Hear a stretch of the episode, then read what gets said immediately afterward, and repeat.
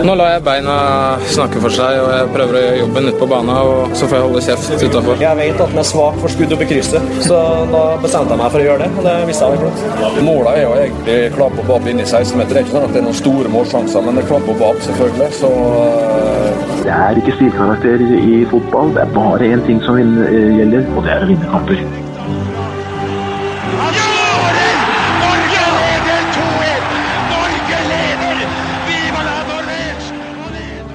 Der er uh, toppfotball tilbake igjen i toppform, eller i en eller annen uh, form. Det er jo litt frem og tilbake nå. Det er VM-kamper og noen eliteseriekamper utsettes og osv.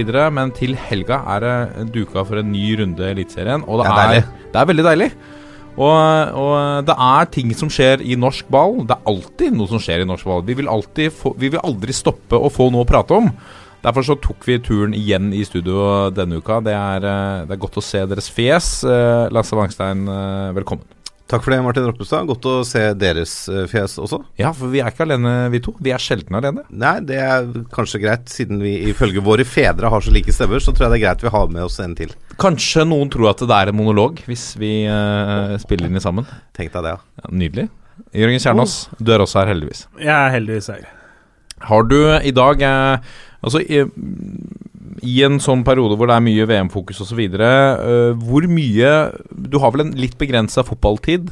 Hvor mye Altså, går VM utover antall breddekamper, fjerdedivisjon, femtedivisjonskamper du har mulighet til å se?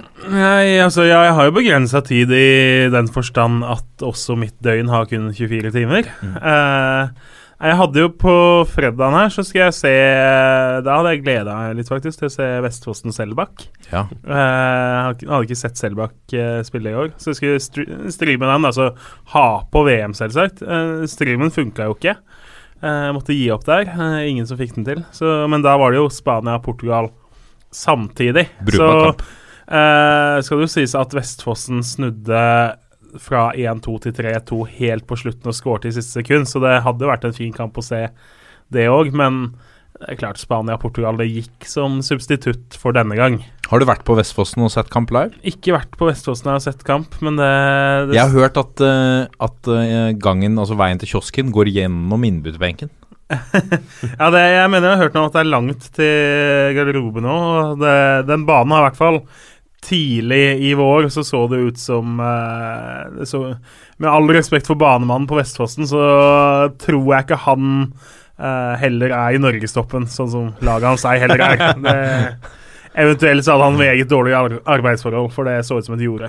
Hvor mange Altså, jeg får noen ganger noen bilder av deg at du følger med på tre og fire oppgjør samtidig. Hvor mange kamper har du sett samtidig?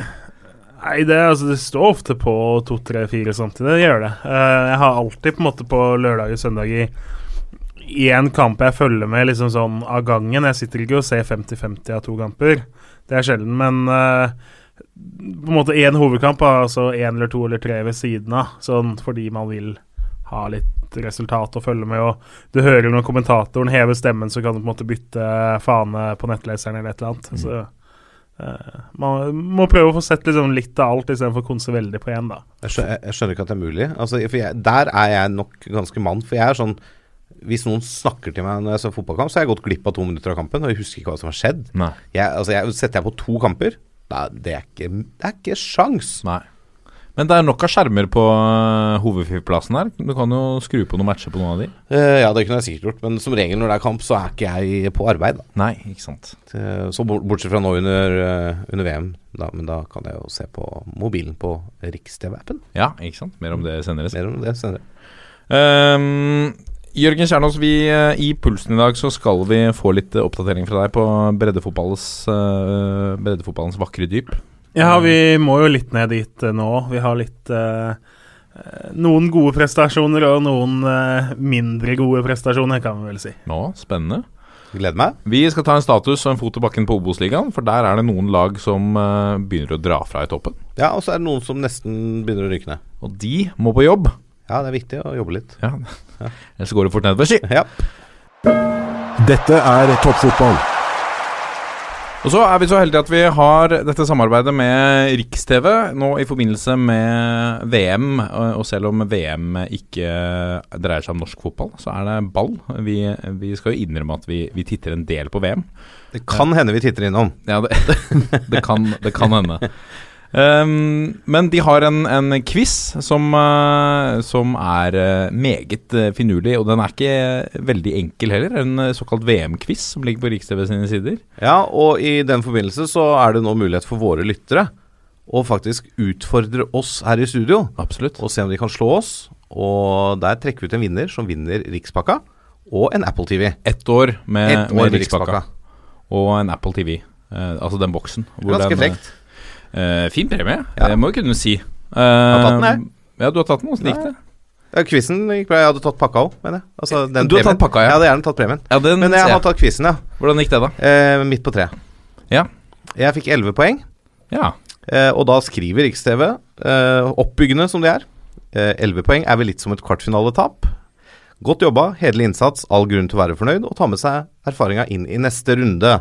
Ja. Da tenker jeg neste VM, da kommer kanskje en ny quiz. Men det er en, eh, det er en kul quiz, fordi at det, den er kjapp. Det går på til 60 sekunder. Du får plusspoeng ved riktig, minus ved feil. Eh, og det går ikke an å google og jukse her, for det er så mange spørsmål, og det kommer forskjellige spørsmål hver gang du tar quizen. Så det, det går Veldig mange online-quizer er jo sånn at det er de samme spørsmålene i samme rekkefølge, så det er bare å begynne å huske å memorere. Hvis ikke du har klisterhjernen til Jørgen Kjernås, så går ikke det her. Da, Ikke sant? da er det vanskelig. Det er vel bare 400 spørsmål, så det går jo an å Ja. gjør det ikke det? Det er bare 400 spørsmål. Sett av litt tid da, Kjernas. Altså, Du har jo snart runda det. Men eh, du kan som sagt vinne altså et års gratis eh, abonnement på Rikspakka og Apple TV hvis du legger inn ditt svar eh, på Facebook eller på Instagram, hvor du tagger oss i bildet du har lagt ut. Eller på Twitter, hvor du slenger inn en hashtag på toppfotball. Um, Ja, for de kan ikke tagge oss der ennå. Nei, for der er vi nede, vet du. Ja. vi Eh, er så unge. utestengt foreløpig. Ja. Eh, Hashtag toppfotball der, altså. Hashtag toppfotball på Twitter. I denne rikspakka så får du jo tilgang på appen, eh, hvor du kan se TV overalt. Og med flere Altså, øh, skal du på campingtur eller du skal på hytta, så har du liksom kan du koble på flere skjermer. Det er ganske kjekt. Jeg har jo valgt, som jeg alltid gjør, å legge årets lange fiskeferie i slutten av juni. Det er å spilles i VM. ja. Tenkte du på det da du Det kan jo hende at hvis jeg sitter ved elva en dag og det ikke vaker, at jeg napper opp telefonen og ser litt VM, ja. Jeg utelukker ikke det helt. Og det er jo det helt nydelig å ha Rikspakka, vet du. Napp opp telefonen, sett på Rikstv-appen mens det napper i snøret på andre. Åh, drømmedag. Ikke sant? Dette er toppfotball. Og så er vi kommet til rundens øyeblikk, og det vakre med denne spalten er at eh, den kan omfavne så mangt eh, som har skjedd i fortiden. Eh, så lenge det dreier seg om eh, norsk ball, da. Det er viktig. Eh, det er viktig, det er det viktigste. Hva har du Også, på lur? så må det vel ha skjedd litt i nær fortid, siden det, vi kaller den tross alt rundens øyeblikk. Ja, det er helt riktig. Det er ikke noe riktig. som skjedde i oktober 2017 her. Det er riktig. Hva har du eh, i nær fortid eh, som du har lyst til å trekke fram da, Wangstein? Nei, vi kan jo snakke om uh, fortidshelter, på en måte. Jeg har lyst til å snakke om en tidligere gjest av oss, som da han var gjest for halvannet år siden eller mer, vel var rundt 40 år og hadde lagt opp som fotballspiller i Vålerenga, i hvert fall bestemt seg for det. Nå har, er han inne i sitt andre comeback for Sogndal. Denne stopperbautaen, legenden Kjetil Wæler, 42 der, altså. Fantastisk. Han eh, kom jo tilbake i fjor og spilte litt for Sogndal. De rykka ned, ga seg igjen. Så ble han henta tilbake da Hovland gikk til Rosenborg, eh, og er nå i gang med sin andre periode der oppe, sitt andre comeback. De spilte bortekamp mot uh, HamKam i forrige runde. HamKam tok en til ledelse, Sogndal utligna, og da i andre omgang så kommer altså denne midtstopperbautaen opp i feltet på, etter en dødball, er det vel, og setter ballen i mål og fullfører comebacket, eller snuoperasjonen til Sogndal, som til slutt vinner 3-1. Og det er jo fantastisk, da. Når du er 42 år og fortsatt still going strong, du leverer altså i norsk toppfotball. Eh, både som stopper, selvfølgelig, som er hovedjobben. Renser unna, duellerer, smeller til. Og så er det oppe og putter en, eh, et mål òg. Det, det er gleder meg å se eh, ungfolen Kjetil Wæler. For han ser jo ut som han kan holde på i ti år til. Ja, for han har jo med den spillestilen Han har jo hatt samme spillestil de siste ti årene. Ja, 15-20. Ja. Ja. Det, det er jo sånn han har vært. Eh, men han er jo en gjennomført, profesjonell, seriøs type, da, som helt tydelig også har den indre gløden og driven til å fortsette. Han syns det er gøy med fotball, han liker å trene, han elsker å spille kamper. ikke sant? Dette er noe han brenner for. Eh, og ja, flink til å ta vare på kroppen. Trener sikkert veldig riktig. Eh, flink til å lytte til kroppen. Spiser sikkert veldig riktig. Og han har jo sagt tidligere at eh, jeg tror jeg kan få en veldig lang karriere fordi jeg hadde tre år i Wimbledon hvor jeg ikke spilte pga. skade. Eh, sånn slitasjemessig og sånn. Det har han jo gjort til gangs. For det er ikke mange spillere i toppfotballen, utespillere, da, som er 42 år. Det er Nei. nydelig å se på. Veldig sterkt. Men med det sagt, da, når du er oppe i årene også, eh, viktig å holde kroppen ved like. Men også Det er det jo selv om du er 22, da. Ja, ja, ja. ja. Det kan vi si. Ja, ja, men det, det er Ja. jo det. ja. Men så, han, han møter jo noen lag nå som, som spiller på Altså Det er jo blitt mer og mer kunstgress, f.eks. Mm. Som jo kan dra ned vi eh, Det er jo ikke umulig at det drar ned eh, snittalderen på, på norske fotballspillere? At det gjør at man er nødt til å legge opp tidligere? Det kan jo hende. Eh, Nå er spillerne jo for et kunstgresslag sjøl. Uh, ser ut som det går veldig greit. Ja. Uh, så jeg tror ikke Nei, altså kunstgresset blir bedre og bedre. Altså det, det Altså Spilte du på Det er ikke bra for porøse knær. Nei, det er det helt sikkert ikke. Men uh, kunstgresset for ti år siden og kunstgress i dag, det er stor forskjell, altså. Ja. Uten tvil. Han er glad i å gjøre comeback, den gutten. Det har blitt det, da. Ja. Med to comeback nå. Det, men det er veldig gøy. Ja. Er, og det er, det er gøy å se at eh, selv om jeg som Vålerenga-supporter ikke er sånn veldig glad i Sogndal, så er det veldig gøy å se at han presserer. Det er veldig gøy å se at han leverer uke ut og uke inn og, og bare er Han er på blokka i startelveren uansett, liksom. For det, du kommer ikke utenom. Han gjør jobben, og vel så det. Er første gang jeg har kalt en eh, mann på 42 år for gutten, for øvrig. ja, ja, uh, men uh, tror vi han blir med hvis Sogndal nå Også Sogndal ligger jo bra an, eh, hvis de tar steget opp. Kan det bli en ny eliteserie på han? tar vel en pause, da, og så kommer han tilbake til våren etter å ha fått eh, restituert litt. Det er vanskelig å si. Ja. 43 år eliteseriespiller. Det hadde jo vært eh, gøy å se som utespiller. Nydelig. Jørgen Kjernås, hva har du på lur? Du, vi skal holde oss uh, på nivå to, vi. Uh, Strømmen, Tromsdalen. Uh, Jo Nymo Matland har vel kanskje det beste venstrebeinet av alle mennesker i verden med norsk pass. Å, Eh, det var Ja, det, altså den eh, skuddfoten hans på dødballer og langskudd, den eh, eh, Det kan nok hende noen har overgått den i historien, men av de som spiller det akkurat nå, så holder jeg han høyest. Ja. Eh, han skrudde jo da inn et nytt frispark på nydelig vis bort mot Strømmen. Og eh, Godeste Matland har tydeligvis eh, sett VM. Han bestemte seg for å være litt morsom og lage dette VAR-tegnet, som jo dommerne viser i VM for at nå skal skal vi se denne situasjonen på video. Eh, løper da, peker mot sidelinja, løper bort, later som han ser på en skjerm og godkjenner målet sitt. Som jo er litt sånn Han vinner jo ikke standup-prisen eh, 2018 for dette, men humreverdig feiring er det jo. Syns ikke dommeren, da. Eh, Gult kort. Han øh, viste lite respekt. Sjikanerte assistentdommeren, øh, var visstnok beskjeden han fikk med denne feiringa si. Så det er helt fryktelig. Altså jeg lurer på, øh, Sjikanerte på hvilken måte? Nei, Det er et godt spørsmål. Men øh, Tromsdalen hadde en sjanse noen minutter tidligere som de hvor de mente at ballen var inne, eh, og ikke fikk dømt scoring.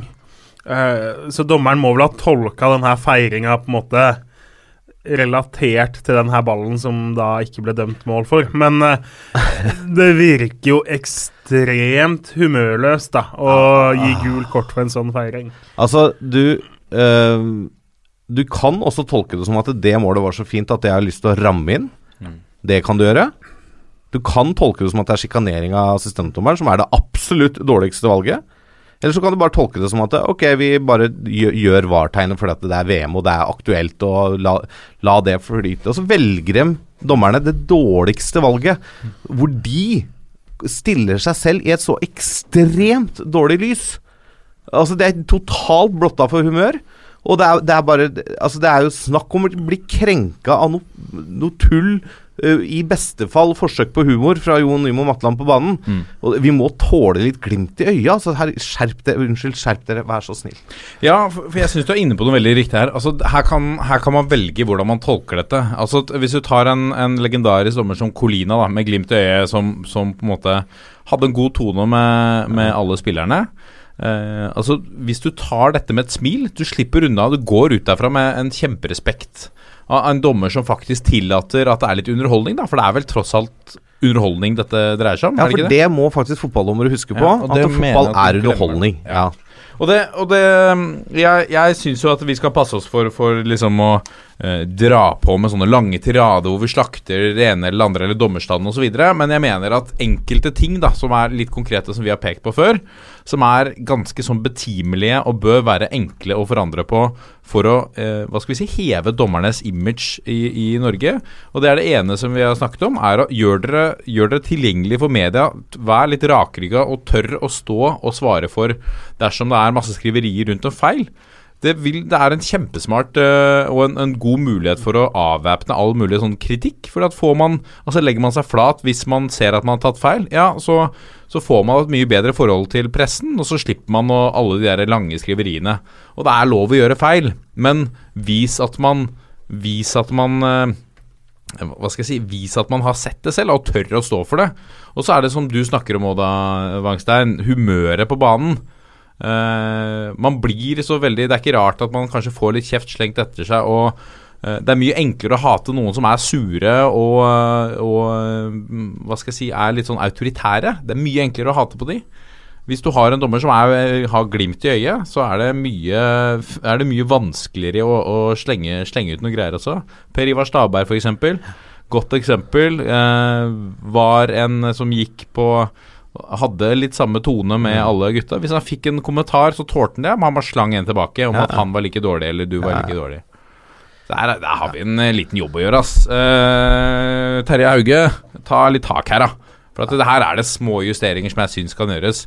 Dommerne, nei, trenerne er nødt til å stille opp for pressen etter kamp. Hvorfor eh, er ikke dommerne det? Hvis pressen ber om det. Jeg forstår det ikke. Jeg ikke heller. Jeg klarer ikke å forstå. Ja, det var dagens lille smell. Ja, men fint, det. Den er fin, den. Jeg, eh, jeg har plukka ut uh, fra cupkampen mellom Tromsø og Vålinga Jostein Gundersen. uh, Panenka. Jostein elsker Vålinga, hurra, hurra. Nei. Jeg ble det sunget? Nei, jeg sang det i Jeg sang det i stua. Jeg er jo, har jo aldri vært tilhenger av denne Panenka-straffa. Uh, jeg men, Nei, eh, ja ja, det er brannfakkel. Jeg forstår det. Jeg skjønner det. Eh, jeg skjønner at det, det, det ser fint ut når Pirlo gjør det. Det er kunst når han gjør det. Eh, det var første gangen jeg tror jeg på en måte så det live i en viktig kamp, at Pirlo gjorde det i en straffekonk for Italia. Jeg mener at en Panenka-straffe, da setter du deg selv i utgangspunktet foran laget. Du gambler på at den finessen og at du selv skal bli hyllet som et geni, Uh, og setter kontra setter det kontra en sikker straffe. Ingen straffer er kanskje sikre, men jeg vil tørre å påstå at en, en, en i, nede i en av hjørnene, eller oppi et av hjørnene, er en langt sikrere straffe enn å, enn å prøve på en Panenka. Eh, hva, hva tenker du om det? Er det helt uenig, eller? Altså, det er veldig lett å si eh, hvis du er Tromsø-supporter eller har sympati for Tromsø, etter at eh, den ene straffa som ble bomma på i den straffekonken, var den Panenka-straffa, som da var dårlig utført òg, for han setter den jo ikke midt i mål heller. Hadde han gjort det, så hadde det blitt mål. Ja. Men han setter den jo litt grann til venstre for seg selv. Den veien keeper er på vei, han klarer å hente seg inn og, og redde den. Ja. Hadde han truffet midt i mål og gjort den som han skal, da hadde, han jo, hadde den jo blitt hylla. Og det er klart, hvis du skal utføre en sånn straffe, da må du i hvert fall være sikker på at du klarer å utføre den på ordentlig måte. Ja. Eh, men altså, jeg elsker en deilig utført eh, Panenka når keeper ligger og spreller i hjørnet. Det er nydelig å se på, og det er litt sånn det, det, det er litt sånn å pisse på den, liksom, eh, backhand. Nei, det syns jeg ikke. Hadde vi Hadde dette ja, vært pisse på keeperen, tenker jeg Ja, ja. ja. det, ja, det kan jeg Altså, være enig i. Og sånn sett litt sånn unødvendig. Nei, men altså, det er en del av fotballen. Og Ja, vi snakka om underholdning i stad. Ja, ja. Det er underholdende å se en godt utført Panenka. Jeg skjønner det. Eh, men selvfølgelig, det er veldig gøy når du holder med det andre laget og en Panenka mislykkes. Det er jo kjempegøy. Det er Ja, men, men, men, det. men det jeg mener, da, er at hvis Norge spiller en avgjørende kvalifiseringskamp nå, en, la oss si en playoff-kamp, Mm. og vi får et straffespark Jeg vet ikke hvem som tar straffen nå, men det er Joshua King, kanskje. Om han da eh, prøver på en Panenka, og han scorer, Eh, så Jeg kommer fortsatt til å være litt forbanna.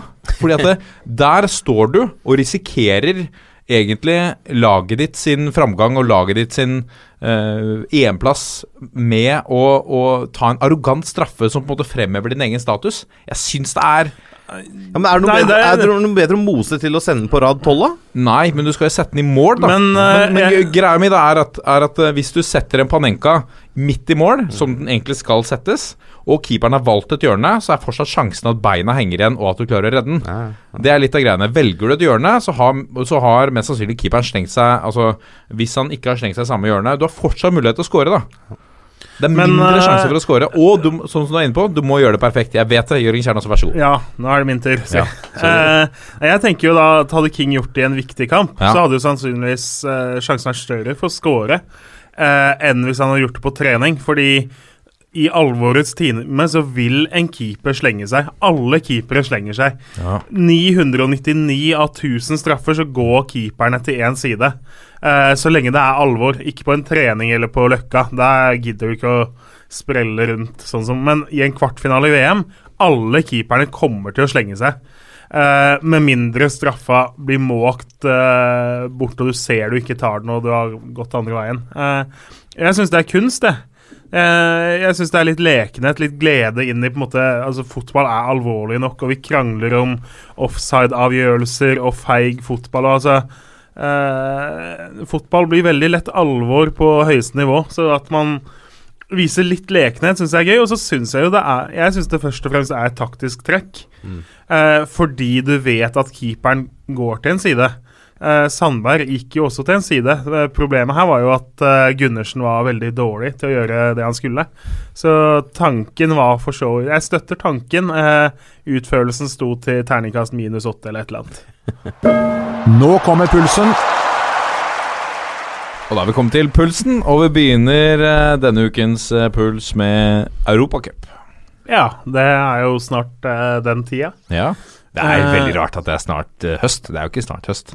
Nei, men Nei, altså, altså, kvalifiseringa er jo lang, da, så det- altså Norske lag begynner ikke Europacupen på høsten, for å si det sånn. Det, har de, det er lenge siden de har gjort det. de begynner gjerne når det er en måned som begynner på J. Ja. Og det er rart med Europacup når det på en måte ikke er flomlys og, og sånne ting, men det er altså tilfellet nå. Nå skal Rosenborg ut mot Eh, De hadde jo fem mulige motstandere i eh, første kvalifiseringsrunde. Eh, andre eh, Der havna de da mot Valur fra Island. Eh, Birki Mar Sævarsson har akkurat gått tilbake dit og skal spille høyreback. Gamle Brannbekken. Uh, VM VM-spilleren. Patrick Pedersen, som jo var en flopp for uh, Viking, var viktig uh, i å skyte dem til seriegull eh, forrige sesong på Island. Så to spennende eh, spillere å vente seg da på Lerkendal, som jo veit litt hva det handler om sånn sett. Eh, så er jo mange nordmenn skuffa fordi Rosenborg kunne møte vinneren av første kvalifiseringsrunde. Der er det fire lag fra små nasjoner som spiller om én plass, deriblant eh, eh, seriemester i Kosovo, FC Drita. Eh, så det tror nok det er noen redaksjoner rundt om eh, i landet òg som er skuffa over at det ikke ble utfallet. Men Valur eh, Vet ikke så mye om det, men klart seriemesterne på Island Man har møtt noen av de laga før. Rosenborg skal slå de over 180 minutter, men eh, det var nok enklere lag også å få i uh, den runden. Ja, for Men Selv om Island er i VM, så er vel ikke den islandske ligaen like god som Eliteserien? Nei, det er den jo definitivt ikke. De mister jo spillerne sine veldig fort der, og det er få utlendinger som kommer dit også, men det er uh, et lag Rosenborg slår eh, kanskje på bortebane. Si 1-0 borte, og så vinner de 2-0 hjemme. Noe rundt der er ikke kjempeusannsynlig. Men jeg så en kamp i islandske toppdivisjon for ikke så lenge siden. Altså Jeg så ikke en hel kamp, men jeg, jeg fant en stream hvor det var mulig å se. Det er, eh, det er fysisk eh, beinhardt, og de, eh, det var to lag som ikke var villige til å angripe noen av de. Så det var jo nesten Det var jo komplett, komplett umulig. Ja. Men uh, vi hadde jo Da jeg bodde i Trondheim for nå fem år siden, så leda jeg et studentlag i sjette divisjon. hvor det var kun studentlag i den avdelinga. Eh, og da hadde vi med en fyr som var gjestestudent på NTNU et halvår, eh, som var fra Island. Han var med og spilte for oss, da. Eh, ikke kanskje under sitt navn, fordi litt overgangspapir og sånn. Eh, han var kaptein på øverste nivå i, på Island. Han hadde 100 og noen matcher på øverste nivå der. Da han sa det på trening Altså, det var ingen som trodde på han, da. Det var litt sånn Ok, nå er det lost in translation. Han har sannsynligvis spilt noe 100 juniorkamper for dem, eller et eller annet sånt. Nei da. Han var kaptein for et av de sju-åtte beste lagene på Island. Uh, umulig å skjønne i sjette divisjon hos oss, men klart, han var jo god, og han var helt jævlig å spille mot, men uh, tror ikke han triksa mer enn åtte, for å si det sånn, da. Nei. Men hvis uh, Rosenborg nå slår ut uh, Valur, islendingene, hva venter de i neste runde? Da venter jo trolig Celtic. Celtic skal spille mot Alash Kert fra Armenia. Unnskyld? Ja, ja, nei, Alash Kert, er det ikke Alash Kert, ja. sånn cirka sånn man sier det? Ja. Romania? Eh, tror jeg. Armenia? Armenia, vel. Armenia. Eh, Celtic vinner den kampen. Da blir det et oppgjør mot Ayer på eh, Lerkendal. Det er jo det verste de egentlig kunne fått eh, ut av den hatten. Så det er klart det blir fryktelig tøft å uh, skulle hanskes med de nå òg. Men det Rosenborg er i, sesong, Celtic er ikke i sesong. eh, har noen spillere som er ute og spiller VM. Det er ikke sånn at Rosenborg er sjanseløse, men vi skulle gjerne sett et annet lag. Det er ikke noe, er ikke noe drømmetrekning altså, for uh, Rosenborg det her i det hele tatt. Uh, egentlig i noen av rundene, uh, selv om Valur bør, eh, bør beseires. Men eh, ja. Hva skjer hvis de ryker mot Celtic? Er da europaeventyr over? Før det, jeg har lyst til bare Da du sa Armenia, så kom jeg på et sitat fra Kenneth Fredheim, som han ikke er klar over at er et eh, veldig godt sitat, men som jeg har merka meg, eh, meg ved.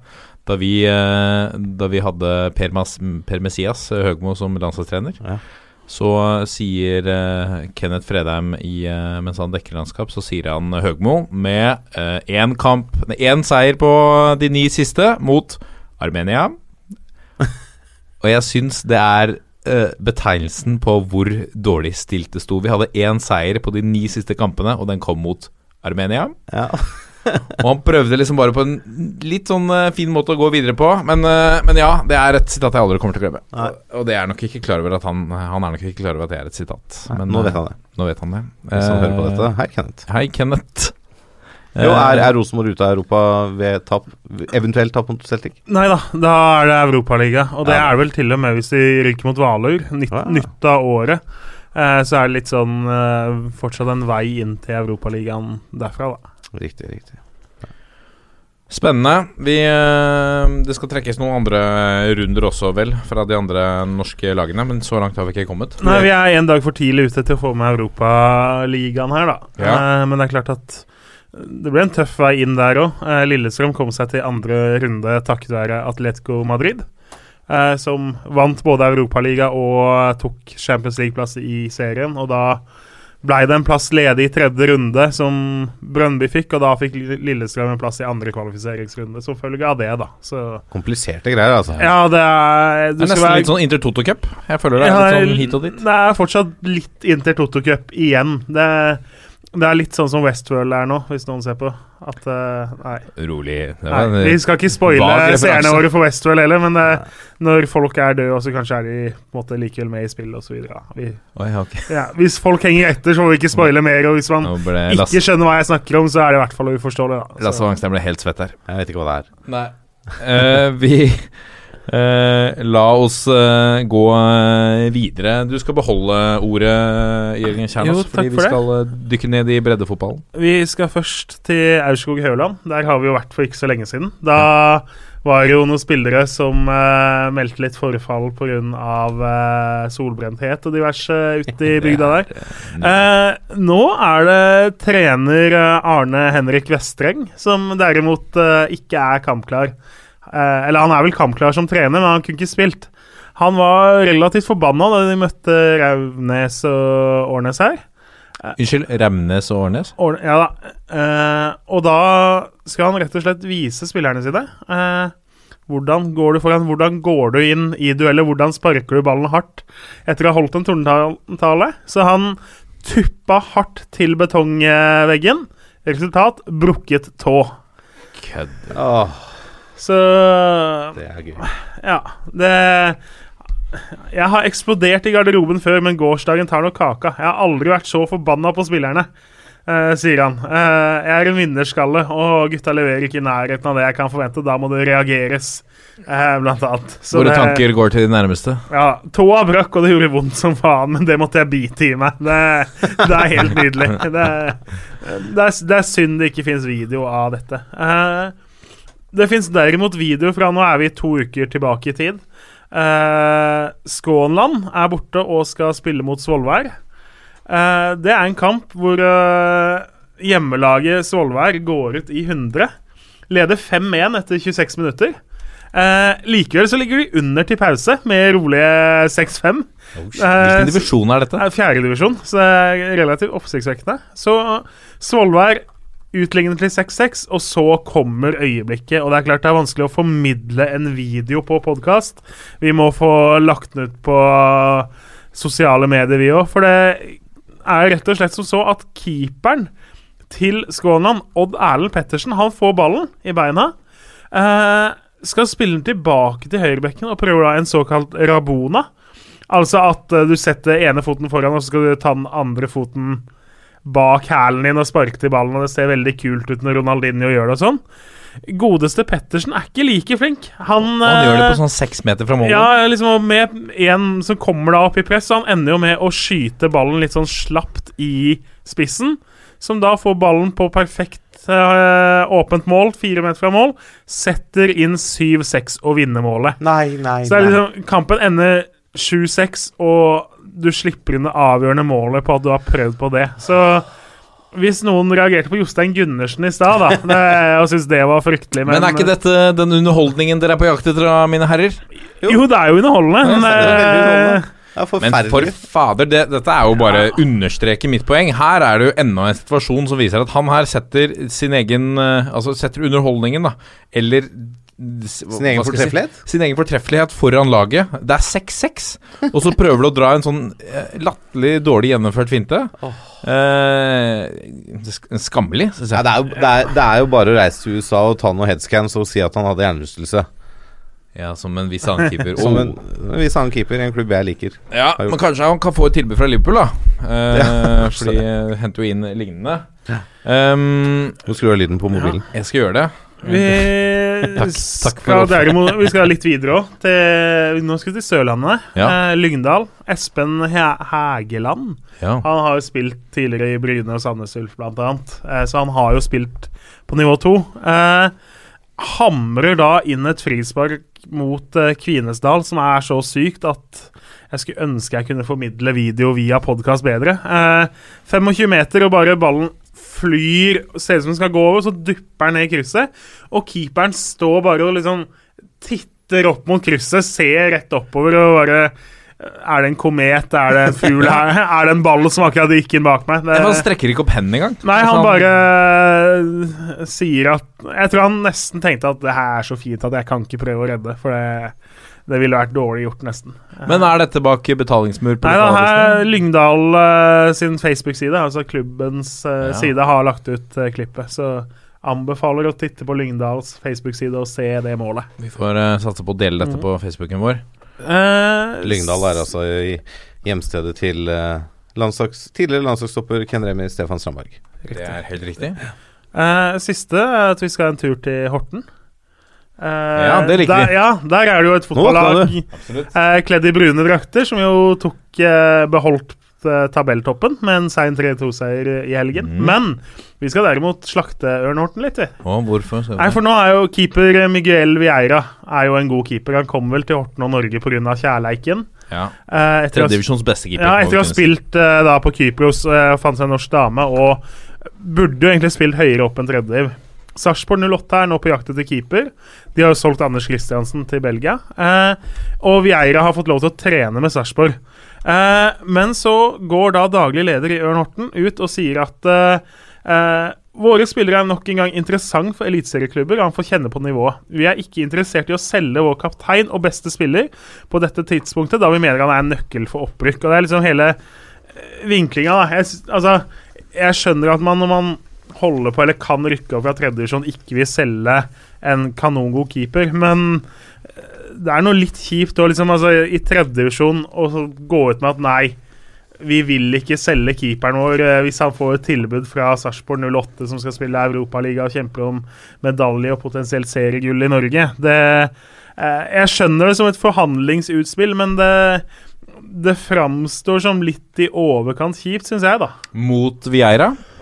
Ja, liksom hele, altså hele greia, da. At nå en av spillerne våre er aktuell for et av de tre beste lagene i Norge. Eh, vi er ikke interessert i å selge. Det, eh, jeg håper jo det er et taktisk utspill mer enn en faktisk holdning i Horten, da. Ja, samtidig så er eh, Miguel Vieira by far den viktigste spilleren de har. Så, eh, og med det faktum at, eh, at det er De har noen andre keepere i klubben nå som er litt uviss fremtid. Så det er ingen som står av det jeg vet som nødvendigvis står klare til å ta over hanskene, plukke opp hanskene umiddelbart. Altså Så er det er jo en, en Altså, man har ikke en Jeg tror ikke man har en helt klar erstatter på, på, på plass ennå. Og det er klart å miste da en eh, Miste da førstekeeperen, som mest sannsynlig er den beste keeperen i tredje divisjon. Altså han er altfor god for det nivået. Ja, Det er det jo ikke noe tvil om. Men eh, vil, vil forverre sjansene Jo, men- for et opprykk. Det er ikke tvil om. eh, La oss stikke fingeren litt i jorda her nå. Ja, ja. Eh, Ørnorten vil jeg tro ikke er en helprofesjonell klubb, så han eh, keeperen her, han er semiproff. Han har eh, proffkontrakt to år. Han har proffkontrakt. Men Ja, okay. altså, proffkontrakt er jo ned til hva er det, 3000 i måneden eller et eller annet. Kan du jo tjene på det, kan du ikke det? Eh, jo, det, Jo, det er. Proffkontrakt er jo ikke det samme som å er, av er han eh, fulltidsspiller? Er det det eneste han gjør i Horten? Eh, Bortsett fra å det vet jeg være forelska? Uh, ja, ja det, det vet jeg ikke. Nei, for det Jeg syns jo, helt ærlig, når du er en nivå fire-klubb, og uh, en av spillerne dine er aktuelle for en li- eliteserieklubb Jeg sier ikke at du skal selge uansett, Nei. men å liksom opphøye Altså, jeg skjønner at du har lyst til å rykke opp på alt det der, Mm. men det er, niv det er fortsatt nivå fire eller nivå tre. Det er midt i sesongen, da. Jo, jo, men det, det, det Men- er jo et vindu på sommeren. Ja, men det er midt Ja, men, ja, ja, det er greit nok. Vi er midt i sesongen. Ørn Horten leder, eh, leder tabellen og har imponert eh, så langt i vårsesongen. Eh, det er et ungt lag med en del lokale profiler. Altså et steg i, Ja, når du på en måte kimser litt av forskjellen på nivå 4 eller nivå 3 Altså Det har vel aldri vært mer gjevt å spille på nivå 3 i norsk fotball enn det er nå. Post Nord med sine to avdelinger er jo å regne nesten som to gamle Jo, men for denne spilleren For denne spilleren, ja. Å gå fra den viktigste spilleren på et lag som er i fremgang og opprykk, mot å sitte på benken i Sarpsborg 08 Jo, men Men da Altså, Jeg, jeg syns det, synes det er ballsy. Jeg syns det er modig. Jeg håper at de har en god dialog med Vieira. Jeg håper at de finner fram til en løsning som gjør at Vieira kan gå dit etter sesongen. Eller at man har is i magen, sånn at de faktisk får en god erstatter på plass. da Ja. Fordi å selge han uten å ha en erstatter på plass, uansett nesten hvor mye penger de får Ikke uansett hvor mye penger de får. Ja, for åssen er økonomien, Ørn? Eh, nei, den kunne vært bedre, selvfølgelig. men nå, Men, altså Kristiansen skal jo ikke gå før om nesten en måned, for han skal være med å spille under Europaligaen. vinduet åpner ikke før om tre uker og sånn. Eh, Så man har jo fortsatt en måned på å eventuelt finne en erstatter, da. Eh, Og jeg synes jo liksom Jeg håper jo altså for meg at prinsippet er da Vi er ikke interessert i å selge kapteinen. Jeg håper jo man mener vi er ikke interessert i å selge om vi ikke får et godt bud. Det Eh, For jeg er helt enig altså, er jo Jeg er helt enig i at de ikke skal på en måte legge seg ned og bare ta det de får. Mm. Men uh, spiller du på nivå fire, så må og keeperen din ha mulighet til å spille for et medaljelag i Eliteserien, så må du prøve å finne en løsning som alle parter kan bli enige om at jeg er god, da. Absolutt. Det- Men, men er vi enige om at hvis Altså, de leder serien. eh, De eh, er i god, eh, på god vei til opprykk. Altså, det er lenge igjen. Men når det ikke finnes en erstatter på plass, er det ikke realt at man prøver å holde litt igjen, da? Til man har fått stablet et eller annet Man må jo spille med en keeper, tenker jeg da. Jo, jo, men du, du, klarer vel, du klarer vel å finne en keeper som holder over tredje-fjerde divisjonsnivå? Ja, ja. Eller andre-tredje divisjonsnivå? Rett før fellesferien. I, Ja. På fjerde nivå. Når det kommer et uh, vindu til. Det må være mulighet til å finne f.eks. en som sliter benken i Obos, som trenger spilletid. da Ja. Og få være med på det. Som er god nok eh, for andredivisjon. Det bør være altså, men bare Jeg for håper å snu- snu Jeg håper de holder på Ikke de for å dra noe. dette for langt, da, men for å bare Men det er viktig, vet du. stille, ja, ja, det er derfor jeg skal stille spørsmålet jeg nå Ja. skal stille. Ja. Hvis dette hadde gjeldt uh, Jerv 1919, eller eller det eksisterer vel ikke lenger, da, men Jo da, de Ja, eh, kjemper om opprykk i fjerde. Ja, der ser du. Det er veldig relevant. da Hvis, hadde, hvis vi hadde snakka om de, og de hadde hatt en keeper som Haugesund hadde lyst til å kjøpe, Ja.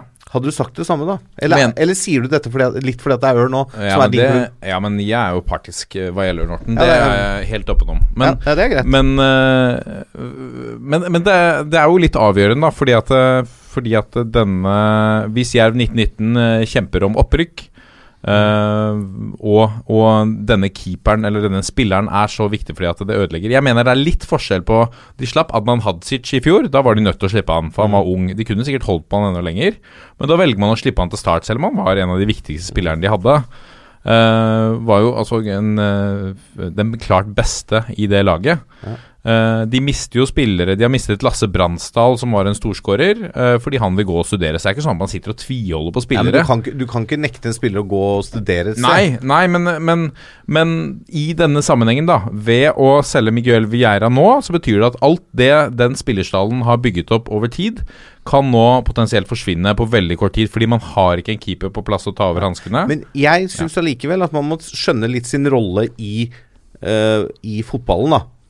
Altså Og det er at toppklubbene skal plukke fra Nei, de små. men altså, altså toppklubbene i Norge òg må skjønne sin rolle.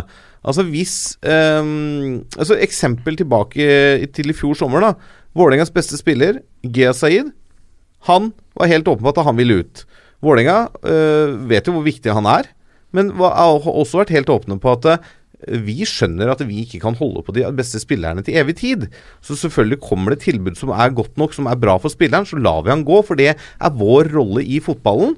At vi skal utvikle spillere som kanskje kan da gå ut av landet og bli bedre der. For det gjør Vålerenga mer attraktiv for de beste unge spillerne som kommer opp, for de ser at det kan være et springbrett. Ja. Hvis nå Ørn Horten får på seg at de er en klubb som holder igjen spillere, som får muligheten til å prøve seg på et høyere nivå, da blir det jævlig vanskelig for Ørn Horten å hente spillere som kan gå inn og utvikle seg i Ørn og bli bedre for å gå videre. Du skal ikke lenger tilbake enn i fjor da med Adnan Hadzic, som jeg snakket om. At Nei, nei, du har men- en spiller som, som de legger til rette for at skal kunne gå dit. Godt samarbeid med, med faren til Adnan. Eh, det blir lagt til rette for, og det var viktig for Ørn å sørge for at han ble fulgt opp godt i Kristiansand. Det jeg mener er forskjellen på Ørn da, og Vålerenga, er at Vålerenga hadde aldri tatt eh, et seriegull, eller mest sannsynlig ikke en medalje heller med Gia Saeed i, salen, i stallen. Så det er på en måte ikke Det er vel tatt vurderinger på Valle også, hvorvidt man skal selge unna eller man skal beholde de hvis man er interessert i å ta et seriegull, f.eks. Så, eh, så jeg mener det er litt stor forskjell. Det er meget stor forskjell, sånn jeg ser det, profilmessig, imagemessig og økonomisk på tredjedivisjon og annendivisjon. Og det er ikke sikkert at altså, Som Jørgen Kjernås har vært inne på flere ganger, denne eh, ligaen er helt bingo. Neste år kan du eh, risikere å havne opp med en, en, i en avdeling som som er langt tøffere, hvor, hvor de ikke har sjans da, til å klare et opprykk. Så de har en, en meget god mulighet til et opprykk nå. Eh, så jeg, det jeg tror, da, at man vil jo prøve å unngå at den sjansen forverres. Men sånn jeg kjenner Ørn, da, så ønsker de også å sende Miguel Viera videre. Og gjerne få noen kroner igjen for han. Det har du sørget for ved å signere en kontrakt. Men man må ha inn en keeper. Så eh, om Sarpsborg 08 har en lovende keeper på juniorlaget, send han tilbake, da. Ja. Send han i retur, f.eks. Ja. Ja, dette blir langt, men det er deilig å snakke litt om Ørn nå, da. Hva? du liker det. Ja, ikke sant? Bra, bra sagt, det, Kjernås. Uh, vi er ikke enige der heller. Men, Nei, men det eh, er godt, det. Det skal ikke være noe ekkokammer, det her, på en måte. Men, Absolutt eh, ikke. Um, var det Breddefotballnytt? Det var vel Breddefotballnytt for denne gang. Det blir spennende å følge denne saken. da Overgangssaken. Uh, Ja, eh, sant? Sarpsborg har vel litt uh, utlendingskvote å, å, å tenke på, så Ja. det er jo også et moment her, da. Eh, det er Med kun ni utlendinger du kan registrere, så er det jo litt råflott å ha en utenlandsk reservekeeper, da. Men uh, kanskje man vurderer en god nok til å ta opp kampen med Aslak Falk. Det er jo eventuelt det som gjør at de vil signere han, da. Ja. Uh, jeg må jo bare si at uh, vil Sarpsborg ha han, så ender det her med en løsning, uansett hvor vrange Ørn er. Det Ørn Altså så, så enkel er fotballens mekanismer eh, nesten i alle sånne caser. At eh, kommer en veldig mye større klubb og vil ha en spiller, så, så blir det løst eh, til slutt. Det, er ingen som på en måte bare stikker fingra i øra og ikke vil høre. Hva, Nei, det tror jeg ikke. Så, og- så eh, det, det står vel og faller på det eh, til syvende og sist, tror jeg, da. Hadde, Ja. Roppestad vært daglig leder, så hadde han bare stikke fingeren i øra. Jeg vil ikke høre på dere. Nei, skaff meg en keeper, altså. Og nekte Arvian Gashi å slutte å ta ny jobb, f.eks. Han er jo også ferdig. Så Spille det, ut sesongen, han. Så det går bra, det. La oss gå videre da til uh, Obos-ligaen. Deilig Eh, Obos-ligaen. Deilig Obos-ligaen. Eh, der, der må jeg si at eh, det er ikke kjedelig i den ligaen heller. Der skjer det Eh, ting. Det, det skjer ting, absolutt. Nå, eh, Det er synd Joakim ikke er her, Fordi eh, vi må jo nevne at Nesotra knuste Viking på hjemmebane med 5-0. Ja, altså det Altså, er hva er det som skjer i Stavanger? Nei, altså Du stilte jo spørsmål her i forkant Uh, hvem imponerer, overrasker og skuffer. Um, og Du kan jo begynne med da det laget du nevner eh, som tapte 5-0 mot Nessotra. Altså Viking de skuffer jo enormt om dagen. De har jo nå fire tap på rad. Og den 0-5-tapet nå mot, uh, bortimot mot Nessotra er jo et absolutt bunnpunkt. Og har jo da på en måte egentlig mista litt grann, uh, henger på de uh, direkte opprykksplassene. Som er litt overraskende, for jeg syns de starta sesongen helt greit, egentlig. men det Nja, altså det er jo heldigvis såpass jevnt at de har jo eh, Viking har jo én kamp mindre spilt. De, når vi spiller inn nå på tirsdag, så i morgen på onsdag møter de Florø hjemme i en hengekamp. Vinner de den, som de sannsynligvis gjør, så er de på 22 poeng, og da er det tre poeng bak Sogndal på direkte opprykk. Så Ja. Eh, så skipet er ikke Vikingskipet er ikke seilt, Oh, men eh, det er som du sier, altså fem, nei, fire tap på rad, og siste kampen er hvor du blir pissa på av Nest Sotra. Det, ting er jo ikke som det skal være. Eh, jeg har jo sett litt eh, Viking. Jeg syns det de det man kunne peke på før sesongen, var bl.a. at André Danielsen og Stefan Ernemann De så veldig ferdige ut i Eliteserien. De ser like ferdige ut nå. Eh, blei brukt nå eh, mot Nessotra, så spilte godeste Ernemann i den dype rollen på midten. Eh, fungerte ikke i det hele tatt. Eh, samme har de De har prøvd Tord Salte, som de har leid inn fra Lyon og nå vil kjøpe. Han er egentlig midtstopper, blei brukt der, funka ikke. Julian Ryerson, som jo egentlig er deres på en måte mest gylne spiller, da. Uh, han har sett sur og lei ut, har ikke funka som uh, dyp uh, på midten når han har vært prøvd heller. Så det er liksom Skal man peke på én plass på banen de må løse, da, så er det plassen der de må løse. I tillegg så er Tommy Høiland eh, på topp ser usynlig ut uh, i de fleste kampene. Og så er han fantastisk plutselig i én kamp, og så er han borte i de tre neste igjen. Eh, de må ha en spiss som på en måte leverer jevnere. Så nei, klart Viking Det, det er jo stusslig, men jeg, det er jo noen lyspunkter. Og Slatko Tripic har vært outstanding til tider for dem, og på mange måter redda litt av inntrykket. Må jo si da i, i toppen at uh, selv om det er litt forventa, Ålesund imponerer. Ja, de hadde nå to tap på rad, men har slått tilbake med to seire på rad nå. Um, Sogndal og Mjøndalen har jo kommet skikkelig i gang. Uh, og står jo begge med fem seire på rad. Og de, de har jo da De er jo poenglikhet her, så de har jo akkurat nå da i hvert fall en intern kamp om den siste opprykksplassen. Og Mjøndalen klarte eh, seks baklengs på 13 kamper. Ja, det er, det er solid, sinnssykt altså. imponerende. Og det Quint Jansen, som de henta i fjor, da var han litt sånn inn og ut av laget først. Eh, hadde spilt på nivå, to, nei, nivå 3 i Norge. For uh, Finnsnes, blant annet. Uh, han ser nå ut som Altså Han ser ut som Obos-ligaens Vito Wormgård. da Mm, mm. Uh, ser ut som en sånn fyr som du Hvis du kommer ut på banen og ikke vet helt hvem du møter, og så ser du at han er stopperen, så tenker du at faen, skal jeg spille mot han her i 90 minutter i dag? Gleder meg til neste helg. Uh, og er leder på banen, er sterk på dødballer. Er fantastisk midtstopper på det nivået her. Og så har de de har jo bytta veldig mye keepere. da Lukas Jonsson, som de har henta fra Sirius på lån, og har også vært veldig trygg. Han skal bort nå, og så kommer han her Susha Makani eh, tilbake igjen. Ja. Mannen som jo ble utestengt fra iransk fotball fordi han brukte eh, svampebob-lignende bukser i sin tid. Eh, han har jo nå vært på utlån i hjemlandet og skal nå i utgangspunktet tilbake til Mjøndalen. Da Ja, han Men kommer han tilbake? spille seg inn på han prøvde, han prøvde å spille seg inn på Irans eh, VM-tropp. VM-tropp uten Ja, å lykkes. Eh, og Sogndal òg har jo starta seigt, starta treigt, og så har de begynt å komme og Uh, brukte mye Ulrik Fredriksen på topp, som jo er en ung midtstopper. Mm. Uh, så satt det liksom fire OK spisser på benken, og det så helt snålt ut. Uh, det så ut som sånn gammel championship manager som ikke var helt finjusterte versjoner. Liksom at det, det, var en bug som manageren brukte en midtstopper på topp istedenfor spisser og sånn. Men så har de måtte testa, feila, snubla, funnet litt laget da, etter mye prøving og feiling. Så er det selvfølgelig spennende nå med Kongsvinger, som også har fått sving på sakene. Fire seire på rad Ny trener. under Karl Sokolowski, da, etter mm. at Hans uh, Erik Eriksen uh, fikk fyken. Mm. Uh, Mark Dempsey, ny trener inn, ja. kom fra start. Blir jo spennende å se hva han får til på vinger. Ja. Det er jo klart, det er jo. Han har jo ikke Kunne man ikke beholdt Kass? når det går så bra? Nei, jeg tror ikke Kass ville vel ikke ha hovedtrenerrollen? Det er i hvert fall det han har ytret utad, ja. uh, så det ser jo sånn ut.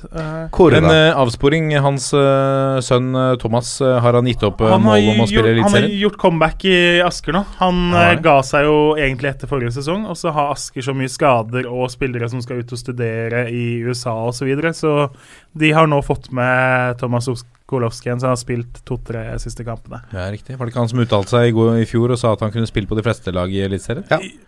Spennende. Det er spennende. Men uh, Ullkisa, er du overraska over at de ligger på fjerde, Kjernos? Uh, nei, egentlig ikke. Uh, Ullkisa har vist uh, De er Hva skal man kalle dem, da? Hurra meg rundt-laget. Ja, altså det er happy go lucky og null kritisk sans, nesten. Det, det, er litt overraskende, for Vegard Skogheim er liksom ikke helt Typen, der, typen. egentlig. Det, og de har egentlig gode midtstopper, men det renner inn mål bakover, og så peiser de på framover. Nå vant de 5-1 over Åsane her sist. Det er jo fantastisk å se Ullkisa-kamper. Altså, eh, hvis du syns fotball skal være underholdning, da er det bare å komme seg på, på arenaen oppe på Jessheim der, altså. Det, det, er gøy. Uh, og de har jo noen spillere. altså Nikolai Solberg er høyaktuell. Ja, han er høyaktuell for en eliteserieovergang nå, tenker jeg. Mm. Det, nå har, han har prestert masse målpoeng uh, flere sesonger på rad. Uh, nøyaktig hvor han skal havne altså Sandefjord f.eks. trenger jo å prøve et eller annet for å lykkes, han er fra fylket. Men eh, gidder han da på en måte å gå til Sandefjord for å rykke ned inn i Tobos og kanskje se at klubben han går fra, får, går opp? Får du dobbelt så mye i lønnskassa, så gidder du jo det. Men ja. det eh, ellers ikke så lett å si, men han er i hvert fall en av de som bør være aktuell for noe sånt, da. Ja. Jeg må, jo, må jo også si at uh, på sånn skuffelsesskalaen Jeg hadde vel ikke forventa at Strømmen skulle ligge fire, nei, fem poeng bak sikker plass eh, så tidlig i sesongen. Det er blytungt. Og det er apropos komme på jobb, som vi nevnte i introen. Eh, de må på jobb nå, for det, det her eh, begynner å brenne noen lys som er ganske blå, rett og slett. Og Vi skrøt av det før sesongen. Det så veldig Jeg syns den angrepsrekka ja. og sånt nå så uh, veldig bra ut. Uh, men det fungerer jo ikke. Nei, og de har litt uh, Altså, de har bomma helt på keeperplass, blant annet, hvor de har henta en Omar Diaby som jo vi snakka om før sesongen at vi var skeptiske til for han gjorde mye rart i vinter. og så har uh, Borte mot Sogndal ble han jo bytta ut i pausa, for da hadde førsteomgangen Da slapp de jo inn fem mål. Uh, og så har de da brukt unge Stian Bolstad, som er reserve isteden. Og det De taper ofte de jevne kampene. Også de kampene hvor de er gode, ender det ofte uavgjort. Og det er en dårlig resept for å berge seg. Ja. Hva, hva, tror vi da når vi er halvspilt? Hva, uh, hvis jeg kan spørre ekspertene. Uh, Lasse Mangstein, hvem tror du uh, tar de to plassene? Ja, Ålesund tar den ene, det er jeg helt overbevist om. Mm. De kommer ikke til å rote bort det her. hører jo Lars Bohin er ute og faktisk er litt kritisk til uh, spillerne sine, selv om det går ganske greit. Mm. Han krever mye, og uh, har fått litt sving på sakene der, så de tror jeg går rett opp. Nå har de jo signert uh, Niklas Castro fra mm. Kongsvinger òg, egentlig fra nyttår, men Han kommer i sommer. det kan jo fort De trenger noen alternativer da framover mm. i banen. Men det skal jo sies, Castro han skåra jo da i første kamp for Kongsvinger etter den ble kjent, den overgangen. Så han har jo huet i den klubben han fortsatt hever lønna fra, og det er bra. Ja. For det, du har sett flere tilfeller av det. Folk som liksom ja, Fra 1.1 skal, skal jeg dit, og så blir de litt borte i gamleklubben. Uh, men uh, ja, Ålesund rykker opp. Uh, vanskelig å si, altså. Jeg, jeg tror, selv om Mjøndalen slipper inn lite mål, så tror jeg ikke jeg tror ikke de tar den plassen. Så, og jeg, jeg, har fortsatt litt trua på at Viking klarer å hente seg inn. Eh, men det blir de, de tre som kjemper om den siste plassen. Sogndal, Eh, og- Sogndal. Ja, det er, ja, det er Mjøndalen, Viking og Sogndal. Ja. Uh, og da jeg, jeg tror faktisk Sogndal tar den. jeg. Jeg hadde jo Før sesongen så hadde jeg Viking og Mjøndalen. Det er klart Viking har vært uh, for dårlig og eh, Hadde Mjøndalen på andre, du? Ja, hadde Mjøndalen på andre. Jeg står litt på det. Nå henter jo de Oliver Ocean, kommer jo dit også nå. Eh, de hadde jo mye Han skåra mot Ørn i helga. Ja, eh, altså de har jo også noen spillere i tillegg til Jansen som er gode. Altså Gildren Ibrahimai har vi også snakka om. Eh, kjempespennende indreløper. Han kommer til å spille for mye bedre klubber enn Mjøndalen i løpet av veldig få år. Eh, og så handler det jo litt om det at de må ha de nødvendige målene, da. De også har slitt med uttellinga egentlig gjennom hele sesongen. Det er jo faktisk bare Florø som har skåra færre enn Mjøndalen så langt. Så uh, så lenge du holder nullen annenhver kamp, så går det jo. Men uh, du kan ikke regne med det i 17 kamper til. Nei. Hvem er det vi tror uh, går uh, rett uh, ned, da? Det er jo to plasser her som går direkte ned, og én på playoff. Nå har jo Florø våkna litt til liv. Har vunnet de to siste kampene. Har jo sett helt fortapt ut før det. Ekstremt viktige Runar Hove var tilbake nå sist på stoppeplass. Han er Etter Jansen så syns jeg nesten han er den kanskje beste stopperen i uh, Obos-ligaen. Eh, og så, ja, klart det er noen i Ål... Nei, jeg holder han på annenplass. Uh, men han gikk av med skade igjen, da. Sist kamp. Så hvis han er ute igjen, så er det nesten dag og natt for dem. Uh, nå har de, de har kvitta seg med to spillere som ikke har slått til, skal hente noe forsterkning. Men jeg, jeg syns fortsatt Florø ser liksom totalt sett for tynne ut. Jeg syns Levanger er litt i samme gata. Eh, har på en måte ikke truffet med signeringene de gjorde i vinter. Har en veldig tynn tropp. Mangler litt matchvinnere framover og litt eh, Litt sånn ubalansert eh, tropp som på en måte ikke har nok alternativer, da. Eh, så akkurat nå så holder jeg på Florø og Levanger som de to som går ned, og så blir det da Strømmen eh, vi ender opp med på kvall. Men Ja. Eh, Bangstein, hvem er det du tror blir for svake? Nei, jeg, det er jo hadde vært veldig Altså det er jo veldig enkelt å lene seg på um, Jørgen Kjernos her, som har øh, kontroll. Øh, men jeg sier likevel at øh, jeg tror Strømmen tar turen ned. Fordi at de ligger så langt bak uh, Det er litt trist, det, da. Ja, det er jo det. Uh, så Strømmen og Florø. Ja. sier jeg da. Spennende oppgjør. Eh, Ja. Men du tre, begynner å treffe på Notodden, da. Du, de ligger på en eh, tiendeplass. Det var vel der du satte de også? Ja, noe sånt. Mange som dømte de nord og ned. Ja. Eh, men du hadde gjort leksene. Eh, spennende kamper nå til eh, helga også. Eh, som du nevnte, Kjernås, eh, før det så tar Viking mot Florø. Det er to matchballer her nå, for å fortsatt Ikke matchballer, sånn sett, men fortsatt mulighet til å henge med i toppen for de. Og til helga så møter de HamKam. Ingen enkel motstander, det heller. Ålesund som tar imot ditt kjære Notodden, Lasse Wangstein. Ja, bør bli Ålesund her, det. Ja, ikke sant? Ja. Nei, det, det er eh, spennende. Det er godt å se at det fortsatt er spenning i, i Obos-ligaen, selv om det virker som Ålesund eh, blir eh, for sterke. Nå 29 poeng. Allerede et liten luke ned til Sogndal på andre, på Ja. 25. Ja, det er jo det. Så det er Jeg tror, tror Ålesund klarer seg greit. Ja. Men du, er det åpent for å komme med en sånn siste liten uh, hurtigpuls? This just in. This just in. Det ble jo kjent tidligere i dag at Brann hadde lagt inn et bud på um, På Kristoffer Løkberg fra Ranheim, som Ja. har hatt en fin sesong uh, i Trondheim. Har skåra fire mål eller noe sånt. Mm. Så kommer det akkurat nå, for ikke så veldig lenge siden, en sak i Nettavisen hvor det står 'Ranheim raser etter brannbud'. Eh, Skam- eh, vi, vi må vel si det er jo Adressa-sak som Det er en adressasak, Ja. jeg leser den på Nettavisen. Beklager det. Eh, men det er jo sånn, Vi er jo glad i Nettavisen her, er vi ikke det, Martin? Absolutt. Ja, Videre. Ja. Vi forventer å bli behandlet med respekt, sier da Ranheims uh, uh, Hva skal vi si? Fargerike leder, Frank Lidahl. Ja, ja. Ja. Fargerik, absolutt. Ja, og det, det sies her da i denne eh, saken fra Adresseavisa at uh, budet som har kommet inn, ligger et stykke under 300 000. og Lidahl sier vi har en forventning om å bli behandlet som noe annet enn Tufte IL. Vi forventer å bli behandlet med respekt, sier han. Hvor lang kontrakt har Løkberg, da? Hvis den går ut er etter på, sesongen? Sesongen. Den er på utgående, og det har har vært dialog, men uh, likevel, det er jo litt med Ja, nei, jeg vet ikke, men uh, det er jo spennende å se da at uh, Nå er det snart overgangsvindu, og vi har vel snakka så vidt om det før. Hva skjer med Ranheim nå? Blir det Altså, Blir det interesse rundt spillerne deres? Altså, ja, du har jo han Reginiussen, er jo passert 30, men han kan jo være aktuell for andre klubber, han. Det er jo spillere der oppe som i hvert fall bør passe inn en klassisk Rosenborg um, 4-3-3. Uh, og kanskje nesten gjør det bedre enn Rosenborg om dagen i den formasjonen. Uh, så, og de er trøndere. Men så er jo spørsmålet igjen hvor, hvor mye er enkeltspillere, hvor mye er laget? Nei, det er si det, da, er Norges, et av Norges beste lag akkurat nå. åpenbart, og det er uh, samhold, og det er gutta krutt, liksom. Det er, det er gjengen.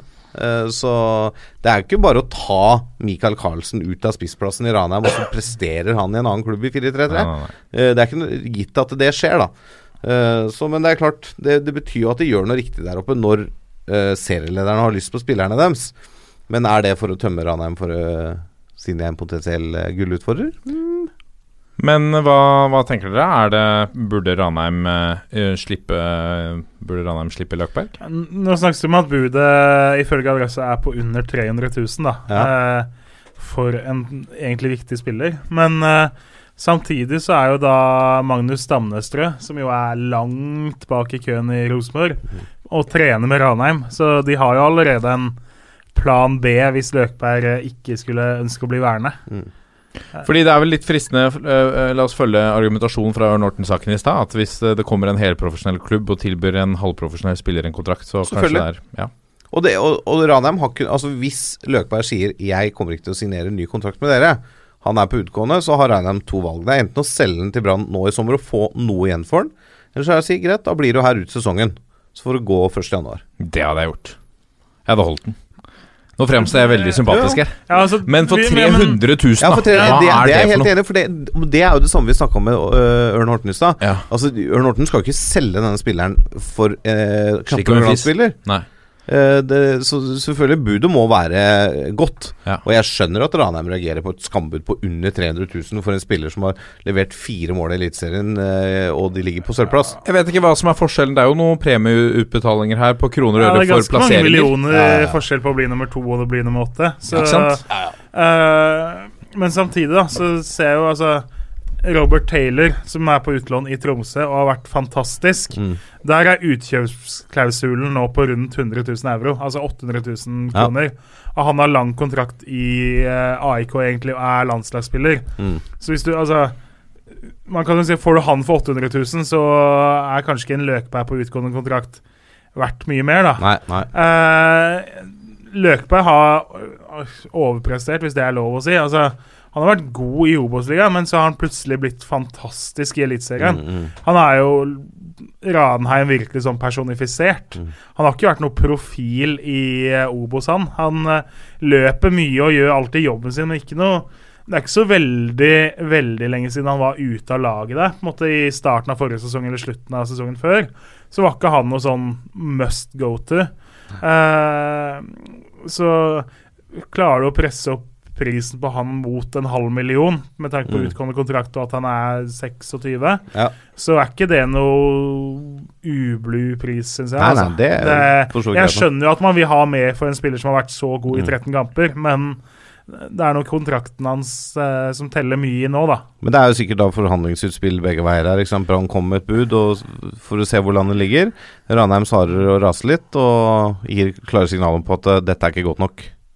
Eh, Her er bare å skru opp. Ja, og skal vi, altså I forlengelsen av det her så handler det om at Amur Ordagic i Brann har ikke vært god nok i det hele tatt. Brann har en full utenlandskvote, ønsker seg forsterkninger både på backplass og trolig på spissplass. Mm.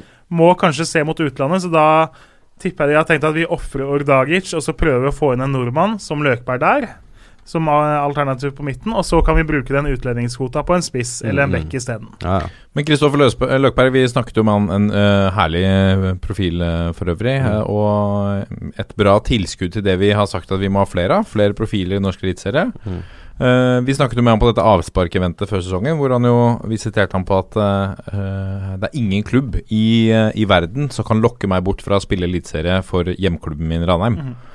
Så var det kanskje og en nå halv sesong skulle det. til. da. Ja. Eh, han sa jo til og med nei til Rosenborg et par ganger da han var juniorspiller.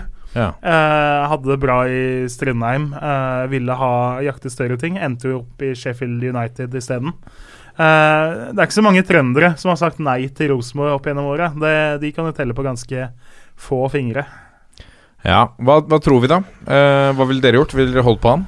Eller casha inn 500 000? Jeg ville holdt på han. For det kan bli så mye verdt i forhold til sluttplassering. Ja, ja altså Veit jo ikke altså, Hvis han ikke signerer for Brann, da Hvis han på en måte blir sittende uten å ha signert for mm. noen andre fra 1.1., så lever man jo kanskje da i håp om at han likevel blir værende. Kanskje han ikke er like god i høst, og interessen fra Brann slukner fordi de henter en annen spiller osv. Så, videre, så ender han jo opp der ja. eh, videre. Jeg må bare, bare, si veldig kjapt helt til slutt. Og den her blir kort og ikke diskuterbar. Dette er bare til informasjon til våre lyttere. Tromsøs straffeforbannelse er brutt. Ja, riktig. De har i dag spilt en uh, treningskamp mot et sammensatt lag fra Nord-Norge. Eller fra Nord-Troms, faktisk. 2-2 etter 90 minutter. Kampen gikk til straffer, og en keeper fra sjette divisjon med feberredning på slutten uh, holdt Nord-Troms i kampen, skriver en kompis av meg som er TIL-supporter. Endelig er straffeforbannelsen brutt. PS. Jostein Gundersen fikk ikke ta straffer, men han rakk dog å skåre et selvmål i kampen. Shit, ass. Karma tar Jostein Gundersen. Stakkars mann. Uff, uff, uff. Dette er toppfotball. Og da skal vi se nærmere på neste eliteserierunde, og vi begynner med oppgjøret uh, som er det som kickstarter neste runde. Molde tar imot Stabæk hjemme på Aker Arena. Og På selveste sankthansaften. Selveste sankthansaften. Store ting har skjedd før. Ja. Uh, Molde håper på et uh, tilsvarende under. Nei, det er det ikke om de slår Stabæk hjemme, men de er virkelig ute å kjøre, Molde. Altså, uh, det er veldig få ting i det laget som tilsier at her skal ting snu, annet enn at det på papiret er et meget sterkt lag. Solskjær har en meget stor jobb å gjøre med, med å få ut det beste av de. Uh, Jevnt oppgjør mot erkerival Kristiansund sist. Det er vel et eh, litt sånn klassisk dårlig tidspunkt å møte en erkerival på. En erkerival som i utgangspunktet skal være svakere enn deg. Mm. Som jo eh, girer opp et par hakk og, og slår eh, Molde. Og kunne også skåret flere, Kristiansund, men det skal sies også at, at Molde har et par veldig store sjanser. Men uh, jeg må si erkerival, der får vi hvis det er altså, Nærmeste i kilometer, men jeg tror nok folk i Molde holdt på å si, holder Rosenborg over Kristiansund. Selv om Rival, da. Ja, lokaloppgjør. Lokaloppgjør, at, at, de ikke, det er det oppgjøret som At det betyr noe ekstra, jeg er enig, men jeg tror nok Rosenborg betyr en god del mer, da. Men de er jo litt lillebror, da. Kristiansund. Så ja, det, er, det er jo vond å svelge. Eh, du er i motgang fra før, og så taper du mot lillebror. Ja, ja. Og Solskjær er hjembyen sin og byen han bor i, i tillegg. Så det Blir slått av kompisen. Um, Stabæk på sin side, ujevne de også. Uh, etter et tap mot Vålinga så reiste de seg og slo uh, Odd hjemme. Uh, bra prestasjon. Før de tapte igjen mot et hjemmesterkt uh, Sarpsborg-Lotte. og spilte nå 0-0 hjemme mot Glimt i en litt sånn kamp som er seks poeng. Det var viktig å unngå tap der, sånn at Glimt plukker noen flere poeng. Det er vel ikke umulig at de eh, to lagene slåss inn i nedrykksstriden eh, sammen. Men veldig tamt, kjedelig match. Eh, de, den bærer preg av at Brynildsen er fortsatt ute med skade. Han er fortsatt usikker til denne kampen. I tillegg til Gyasi og Kassi for Stabæk. Så de har jo litt færre og kort å spille på offensivt, Stabæk. så kan det jo hende at Tony Ordinas parkerer bussen på Aker Arena og drar derfra med ett poeng. Uh, det skal du ikke se bort fra at han får med seg, fordi at uh, Molde sliter med, med, å skape målsjanser også. Um, statistikken mellom disse to lagene er 3-1-2 i, i favør uh, Molde. Um, og for Molde til så er Etsas Hussein er suspendert, eller så er de tilnærma fulltallig. Så det er ingen unnskyldninger for ikke å, for ikke å imponere et eh, etter hvert litt utålmodig hjemmepublikum. Men uansett så sitter vel uh, unge Solskjær trygt. Nesten samme hva som skjer i år. Vi går videre til kampen mellom Haugesund og Lillestrøm. Europa. Europaligalaget Lillestrøm. Ja, det er jo på en måte litt sånn I hvert fall nesten topp mot bunn. Haugesund har også i år imponert. To seire på rad nå. Uh, vant 2-0 borte mot Sandefjord sist. Uh, og hjemme mot Tromsø i kampen før det, og er virkelig med i medaljekampen. De er på fjerdeplass, men uh, har like, mye, like mange poeng som Rosenborg på plassen over, da. Lillestrøm har på sin side ikke vunnet på sine fire siste i serien, men har jo da en solid 4-1-seier hjemme i cupen mot Brann inni der. Eh, de er kun ett poeng unna kvalifiseringsplassen med sin 13.-plass, eh, men har jo fire poeng ned til start på direkte nedrykk. Eh, så de har en liten luke der, men det er klart det er viktig for Lillestrøm å ta litt poeng nå òg. Erling Knutson er nok fortsatt usikker etter skadeavbrekket sitt. Jeg tror nok Arne Erlandsen gleder seg til å få tilbake den hurtige og anvendelige kantspillerspissen sin. Han er vel også på utgående kontrakt og kan begynne å snakke med klubber nå ganske snart. Frode Kippe sona karantene i 0-0-kampen mot Odd sist, eh, men eh, unggutten Erik Tobias Sandberg, 18 år, kom jo inn og gjorde seg overhodet ikke bort. Meget bra. Ja, det var en meget bra kamp, men eh, jeg tror nok Kippe er tilbake på laget i Haugesund. Altså. Det, Og der er jo Antonijevic uh, i tillegg ikke noe alternativ. Han uh, ble utvist for andrelaget og må vel da stå over også for uh, førstelaget. ja, det stemmer vel. Må sone Så lenge ikke andrelaget har spilt. Ja. Han krangla litt med tidligere Vålerenga-spiller Ricky Alba, og begge Åh. fikk rødt kort. Deilig. Klassisk deilig. det er ikke noe, Bortsett fra den, da, så er det ikke noe eh, eliteseriekarantene på gule kort. Men Marius Amundsen hos LSK er i faresonen. Han har tre så langt. Jeg tror nok vi greit kan si at Haugesund skal få lov å bære dette berømte favorittstempelet til den kampen her. Virker som de har mer enn nok kvalitet til å kunne slå Lillestrøm. og begynte å funke litt offensivt. De er dønn solide defensivt. Har bra spillere, syns jeg egentlig. Bra keeper. Altså det, Haugesund er et bra lag som er vanskelig å slå, rett og slett. Og det viser jo tabellsituasjonen nå. Eh, samtidig så vil jo LSK på et eller annet tidspunkt stoppe den dårlige trenden og rekken av kamper uten seier. Eh, og med litt kløkt, kløkt og effektivitet så kan jo det selvfølgelig den komme i helgen. Ja. Et annet oppgjør som jeg er veldig spent på, Kjernos, er Godset Ranheim. Fordi at BP har kommet inn i Godset. Uh, Ranheim kan uh, en, dette budet nå på Løkberg skape litt uh, uroligheter i et meget sterkt kollektiv? Ja, det kan det jo for så vidt, men det, jeg tenker jo at eh, de spillerne Når du er på banen, så glemmer du det. Du flykker rundt og tenker på Brann eh, når du skal spille der. Eh, de lagene har jo møttes én gang tidligere, i eh, Drammen. Det er jo så lenge tilbake siden som forrige uke. Ja. Da møttes de i cupen. Godset slo ut Ranheim med 2-0. Eh, ble jo første seieren til BP da i denne perioden.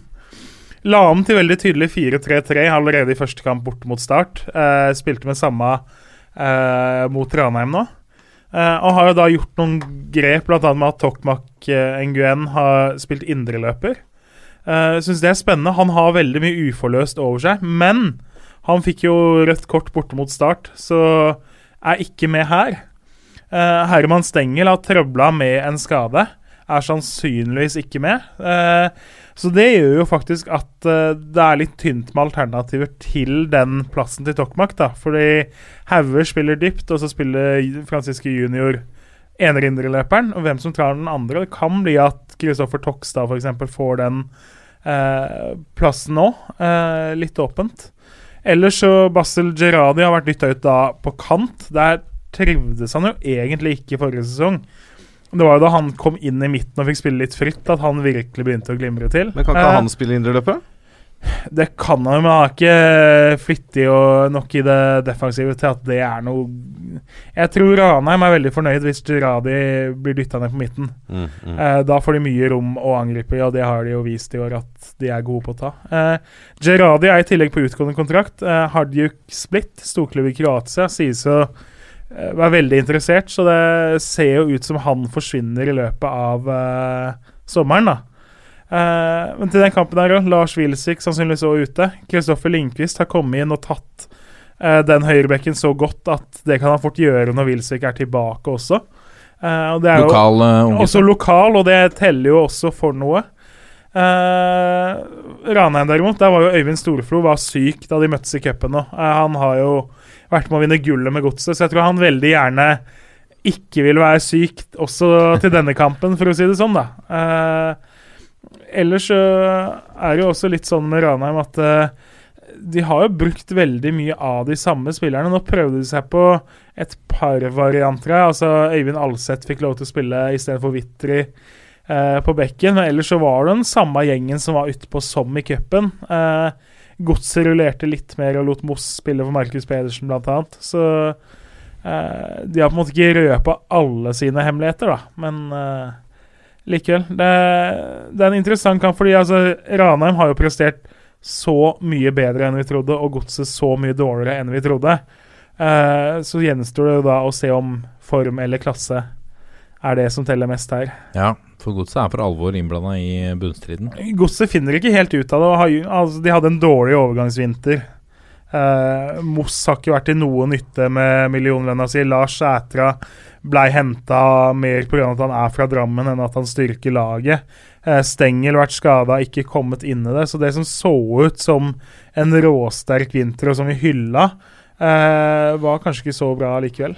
Nei, men jeg, jeg tror allikevel at uh, eh, Godset kommer seg ut av den nedrykksstriden i løpet av høstsesongen, nå med BP-en. Og det, det, var Det skinte ganske tydelig gjennom når du så Basel Gerradi på TV Norge etter forrige runde, eh, at eh, spillerne var ganske fornøyd med at uh, Skullerud var ute.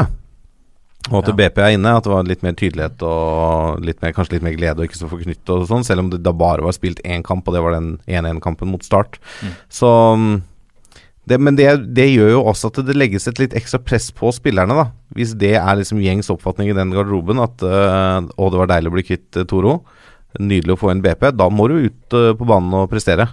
Da holder ikke det de har holdt på med i, i vår, for det, der er det mange spillere som må titte seg sjøl i speilet og spørre seg selv har jeg levert godt nok, har jeg gjort det som kreves for å spille på Strømsgodset, som skal være en topp fem-klubb i Norge. Jeg tror ikke det er veldig mange som med hånda på hjertet kan si ja da. Nei. i den uh, godsegarderoben. Spennende oppgjør mot Ranheim, altså. Eh, Ranheim slo eh, Sarpsborg Lotte i forrige runde, og nå tar eh, eh, Sarpsborg imot eh, Tromsø hjemme. Ja, og det er jo altså Selv om de tapte den kampen du nevner, så har jo Sarpsborg De er jo et lag som har kommet seg skikkelig i det siste.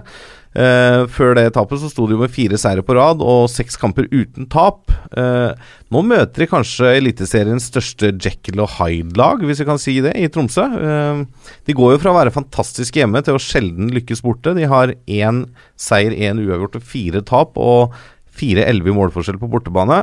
Sarpsborg er ganske solide hjemme, har bare ett tap, og 4-2-1 hjemme og målforskjell på 15-6 på eget kunstgress. Um, det skiller bare to poeng mellom lagene. Uh, Sarpsborg på femteplass, uh, Tromsø på syvende. Uh, Tromsø sies jo også fortsatt måtte unnvære Gjermund Aasen, da, som mister sannsynligvis resten av um, denne vårsesongen da, fram til sommerpausen med skade. Og det er altså et stort tap for gutta. Det, de ser rett og slett ut som forskjellige lag med og uten Aasen på banen, er inntrykket mitt. Uh, så han er, han er, viktig for dem. så det er et stort tap. Eh, det er ingen karantener. Verken i Østfold eller i Troms. Men Sarpsborg må unnvære Harmet Singh, Amin Askar og Ole Jørgen Halvorsen hvis de får gult kort i denne kampen på søndag. Ja, passe seg. Må passe seg så de ikke havner i boken til dommeren, rett og slett. Men jeg, jeg tror, rett og slett fordi Tromsø er det Jekyll og Hyde-laget som jeg nevnte, at Sarpsborg vinner denne kampen. de er favoritter på hjemmebane. det stempelet må de bare bære. Og det tror jeg også de klarer. Eh, dessverre for alle tilhengere, men eh, til glede for alle østfoldinger eh, litt nord i Glomma. Ja. Uh, etter å ha sett, uh, sett uh, Stabæk-Bodø-Glimt 0-0, så tør jeg, tør, jeg, påstå at denne rundens aller kjedeligste oppgjør er mellom Bodø-Glimt og Sandefjord fotball. Jørgen Kjernås, er du enig? Ja, det er i hvert fall det minst interessante fra et sånt eh, objektivt synspunkt om at eh, vi vil se de gode lagene møtes og sånn, da. For det, men desto viktigere, kanskje. Altså, for Bodø-Glimt så er det her litt en kamp de må vinne for at det ikke skal bli ubehagelig utover høsten. Det tror jeg det blir for dem uansett utfall her, men uh, Tre poeng hjemme mot Sandefjord må du nesten ha hvis du skal komme deg vekk av sumpa. Uh, men som du sier, altså Bodø-Glimt Vi trodde jo de skulle være, ha litt å bjuda på. Uh, litt mål og litt show og litt sånn uh, happy go lucky som de var i Obos. Det sa jo Ulrik Saltnes til og så på dette avsparket, at de skulle peise på å være offensive. Og så har de blitt litt blanding av feige og udyktige eh, framover. Eh, kun skåra tolv mål så langt. Det ble jo fire, da. Av dem kom jo mot Ranheim i forrige hjemmekamp. Eh, tenkte jo kanskje at det var litt sånn at det løsna, men så kom denne litt stusslige kampen på Nadderud etter det. Uh, men hvis vi snakker om stusslig, da, så Sandefjord ser jo ikke ut som de forstår konseptet fotball. At uh, det handler om å få denne runde tingen inn i motstanderens mål. Uh, for de har jo ikke evna på de syv siste seriekampene. Det er ganske vanvittig. Altså, Vi snakker om syv tap. Vi snakker om syv tap uten å skåre mål. Og det Altså, det kunne vi dvela ved og latterliggjort så lenge vi bare hadde lyst, men det Ny trener inn, kanskje nye krefter, men det var ikke noe spor av bedring å se i første kamp mot uh, Haugesund her. Det var en eh, ganske trist fotballkamp, det òg. Det er ikke en kamp du husker veldig lenge. Jeg så deler av oppgjøret, og så hjalp det jo ikke at Emil Palsom ble utvist for Sandefjord rett etter pause. sånn at eh, Hvis de hadde lite å komme med før det, så var det totalt løskrutt uh, etterpå. Uh, hva, hva, bare altså, seks poeng opp til playoff, ja, altså, da. Det er jo nettopp, Vinner de her, da, og så taper Stabæk mm. eh, i Molde sånn som de fort gjør, så er det tre poeng unna kvalik. Og så taper fort Lillestrøm i Haugesund. Da er de fire poeng fra sikker plass. Så det er liksom Det er én seier unna å tenne håpet fortsatt, da. Men eh, Men det er nesten utrolig at eh, etter halvspilt serie eh, at fem poeng, at ikke løpet er kjørt. Ja, ja, men det Det er såpass jevnt, da. Ja. Du ser jo, ikke sant eh, Tar du et lag som Odd nå, eh, så er de på 17 poeng. De er 7 poeng unna medalje, og så er de 6 poeng unna kvalik. Eh, det er jo jevnt hele veien opp. Det er ikke noen skillelinjer noe sted på tabellen. Alle har på en måte maks 5 poeng unna fantastisk eller begredelig. Men klart, det er ingenting ved det Sandefjord-laget som gjør at vi tror det snur. Uh, annet enn trenerbytte, da, kanskje? Annet enn trenerbytte, men uh, mannskapet han tar over, er jo ikke godt nok, det heller. Mm. Uh, det lukter jo Det er naturlig å vente seg en rein H på tippebongen denne helga. Ja.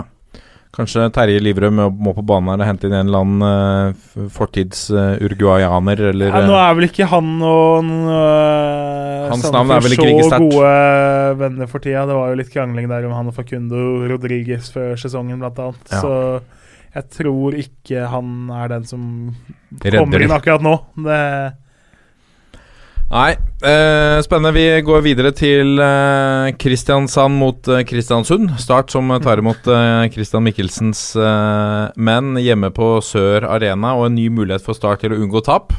Og Det er jo der eh, Kjetil Rekdal har lagt lista foreløpig. De skal først slutte å tape, og deretter prøve å se om det er mulig å vinne et par kamper. Jeg håper jo de gjør mer enn å prøve å se om det er mulig, men ja det, ja det, tror jeg de håper der nede også. Uh, start som har en luke nå, som vi snakket om, ned, ned til Sandefjord på, på, tre poeng. Altså det er tre poeng som skiller de to lagene. Uh, og kan med seier her, uh, som de bør gjøre, selv om Kristiansund er ikke noe, er ikke noe lek. Um, men de, de, bør uh, ta tre poeng her uh, hjemme. Det er vel et av de lagene som man bør kunne slå hvis de har uh, ambisjoner om å holde plassen. Og det har de jo. Fordi at det er ikke utenkelig at Stabæk går på et tap bort mot Molde, og da ser det plutselig ikke så helmørkt ut opp til kvalikplass. Da er de A-poeng med gjengen fra Bærum. Kristiansund er, er i form. Står med tre stake, strake seire. Uh, kronet en, en, bra formkurve med seier mot eh, erkerival, eller storebror, Eh, alt ettersom uh, hvem man spør. sist så har de fått en uke pause her, men Start også virker bedre. Jeg syns at man, man, så at Kjetil Rekdal har kommet inn. Man så at det var et litt skifte det er litt mer håp der. De var bedre mot, mot godset. Uh, jeg tror Rekdal er inne og trykker på litt enkle knapper, fokuserer på litt enkle ting uh, bakover og bygger laget bakover. Det er vel det han har snakket om at han har fokusert på. Det syns jeg vi så signalet på mot uh, Godset.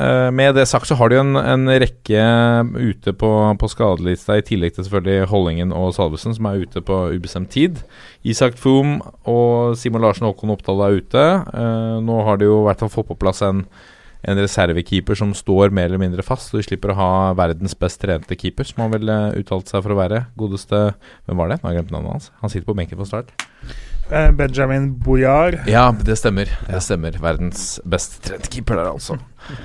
um, disse lagene har, etter hva jeg har funnet ut, ikke møtt hverandre før. Kan det stemme? Jeg finner ikke statistikk på det. Ja, Da stemmer sikkert det, da. Ja, jeg mener det.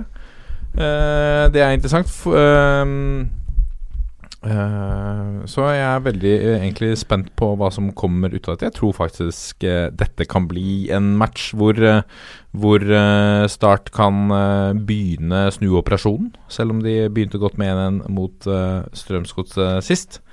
Um, vi raser videre til Lerkendal, Lasse Wangstein, hvor Rosenborg tar imot ditt kjære Vålerenga.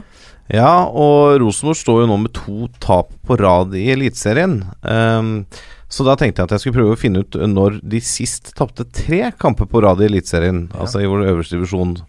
Og det er en stund siden. Vi må faktisk tilbake til høsten 2012 for å være mer reaktiv. Da rota de faktisk bort seriegullet. De leda fire runder før slutt, av poeng med Molde, som til slutt endte syv poeng foran trønderne. Og også Tromsø klarte Nei, beklager, Strømsgodt klarte å snike seg forbi Rosenborg den høsten. Før det må vi tilbake til 2005. Da hadde de en rekke på seks kamper uten tap. Nei, med seks eh, tap på rad, beklager. Og så før det igjen, faktisk helt tilbake til 1987. Vi må jo skyte inn at 2005, da Hvis cupen er med regna, så tapte de jo 1-2 for Hønefoss eh, i, I cupen på Lerkendal. Ja. Og, eh, Nei, det er seriespill vi ser på her, eh, men det er godt innspill. så det Og da Det er jo da tre tap eller mer i løpet av én og samme sesong, da. Jeg har ikke sjekka om de har liksom tapt to på slutten av sesongen neste men uansett, det viser Det er sjelden at Rosenborg taper tre kamper på rad. Og det gjør jo at jeg dessverre tror dette blir en vanskelig oppgave for Vålerenga. Det hadde det vært uansett. Um, Rosenborg er jo et lag uh, Vålerenga ofte sliter mot, uh, spesielt i Trondheim. Jo da, Vålerenga vant uh, en cupkamp på Lerkendal i fjor, og det var i cupens kvartfinale. Den har jo trekningen i år vist at vi får en reprise av om noen måneder, i slutten av september. Fornøyd med den? Eh, veldig lite fornøyd med den, selvfølgelig. I seriespill må vi helt tilbake til 2005-sesongen for å sis finne siste gang Vålerenga vant på Lerkendal. Vi snakker altså tolv seriekamper uten Vålerenga-seier, og kun én av disse har endt med uavgjort. Ja. Så elleve eh, Rosenborg-seiere og én uavgjort der på de tolv siste seriekampene i Trondheim. Eh, Vålerenga er jo Altså, de har, ikke, de har kun tapt én av sine ni siste kamper i serien. Eh, og det var den stygge 0-3-smellen borte mot Tromsø. Eh, den har de jo revansjert seg mot, som vi har nevnt, eh, etter eh, Jostein Gundersens Panenka-straffe. Kommer fra 0-0 i serien, da, borte mot Brann sist, som var en, en solid kamp av Vålerenga. Viste litt hår på brystet og duellkraft. Og, og Det var egentlig en ganske morsom 0-0-kamp, og de kunne jo tatt og tok ut av med seieren på slutten der. Um, og de er det første laget i år som ikke slipper inn mål mot Brann. Og det er jo noe å ta med seg, helt klart. Uh, det, det, er litt imponerende, rett og slett. Og det, det, virker på meg som det er en annen moral, vilje og arbeidsinnsats i bunn hos Vålerenga i år enn tidligere år. Dette er jo kamper de lett hadde tapt i fjor. Selv om det ble 0-0 på Brann stadion i fjor òg, men sånne type kamper, da. Skiller to poeng mellom Rosenborg på tredje og Vålerenga på sjetteplass, som er en viktig kamp for begge to. Uh, helt klart. Men uansett, eh, med Rosenborgs formdupp og Nå har de fått to uker hvor de kan forberede seg godt. Kampen i seg selv er ganske selvmotiverende, har det vist seg. Eh, så jeg tror nok vi får en ekstremt uh, revansjesugen gjeng med trøn... Ja, altså med Rosenborg-spillere. Uh, som går på banen på søndag. Uh, de er naturlig nok storfavoritter, uh, men Vålerenga har vist som jeg sier, at de kan, har tatt steg i år. Så de kan overraske. Men Rosenborg skal få lov å være favoritter. Og med seier her så går Ronny Deilas menn forbi Rosenborg på tabellen? Det gjør de, og klatrer uh, helt åpenbart. Så det er, jo, det er jo en viktig kamp for begge lag. Ja. Men det er ikke sånn at det, Jeg tenker ikke at det er sånn at denne kampen står Altså, sesongen til Vålerenga står og faller på denne kampen. Nei. Det er ikke noe krise å tape på Lerkendal for noen, egentlig. Sånn isolert sett. Men selvfølgelig veldig gøy om Vålerenga klarer å ta med seg noe. Rosenborg med Mike Jensen, med Niklas Bentner. To meget sentrale spillere, eller i hvert fall førstnevnte. Ja. Uh, Bentner har vært litt inn og ut, men som, som, jo ikke hadde vært med hvis de fortsatt ble vurdert gode nok for Åge Hareide til VM. Men hadde dette da vært den kampen som ble utsatt pga. VM, to spillere i VM-tropp? For det er én kamp de kunne utsette. Er det en grense? Ja, At vi står to? Det er jo to ganske sentrale. Eh, det vil jeg tro. Men det handler jo også litt om for Rosenborg, da, med Europaliga, at det er ikke sikkert de hadde valgt å gjøre det. Nei, ikke sant. Ja. Fordi ulempen med å ha fått ekstremt tett program på høsten Mm, mm. kunne vært større Ja. Enn å unnvære de to. enn å unnvære de to. Ja, ja. Ja. Og rundens eh, siste kamp på mandag klokken syv, Skagerrak Arena. Odd tar imot uh, Brann. Jørgen Ja, er det skal du nedover? Nei, jeg skal ikke det. Uh, El Kovaxo, er det ikke det dette oppgjøret er kjent som? El Kovacs? Ja, det store Peter Kovacs-oppgjøret. Ja Vi, da Peter Kovacs eh, han der, ja. tok ballen eh, fra en skadd Håkon Oppdal, trilla den i åpent mål, og Dag Eile Fagermo og store deler av hjemmefansen syns det var litt mer morsomt enn det Brann-gjengen gjorde, for å si det mildt. Eh, De fikk jo skåre rett etterpå, da. Eh, Gjorde de ikke? Nei, nei. Nei, nei, nei. Nei, hva hva det Det var skjedde i den på Nei, da, da tenker du på uh, Bjørn LSK mot Brann, da uh, Erik Mjelde skjøt uh, ballen ufrivillig i Stemmer. mål. Da Og ble angrepet. Altså ble, det Ja, ble, han ble jo skjelt. ut. alle på Brann syns jo det var greit å la LSK skåre, bortsett fra Pjotr Lesjevskij, Ja. som forsøkte å redde. Det er noen eh, som ønsker å ødelegge. Ja da. Eh, men eh, Odd Brann Det er klart, som du sier, at Brann første gang de ikke skårte i en av seriekampene sine, var da sist. Skålevik viste jo da hva han mangler. Steffen Lie Skålevik er en klok spiss, god avslutter osv., men mot eh, Carvalho så ble han en lilleputtspiller, da. Eh, så hvis Brann har tenkt på at ok, nå Eh, har vi lyst eh, Vi trenger kanskje en spiss hvis vi skal ta gull. En spiss med litt andre kvaliteter. Så ble de nok ikke mindre lystne på det etter den matchen. Eh, Odd har også vært litt sånn Vært litt på gang, men det er jo et men med dem òg, da. Torgeir Børven vært skada, og så ble han frisk, og så eh, Tobias Lauritzen litt på gang, osv., og, så og så har de ikke helt på en måte eh, fått momentum, hvis det er lov å bruke det ordet. Jeg er egentlig ikke så fan av det ordet, men nå brukte jeg det for det. Eh, tapte borte mot Stabæk, tapte hjemme mot Kristiansund, og så eh, uavgjort og målløst borte mot LSK sist. Så da de så ut til å liksom ha litt flyten, så døde de plutselig hen igjen og er nå litt sånn i ingenmannsland. Har ikke helt bestemt seg for om de skal være medalje dark horse, eller om de skal dette ned i bunnen eller bare være midt på. Det gjenstår litt å se med dem.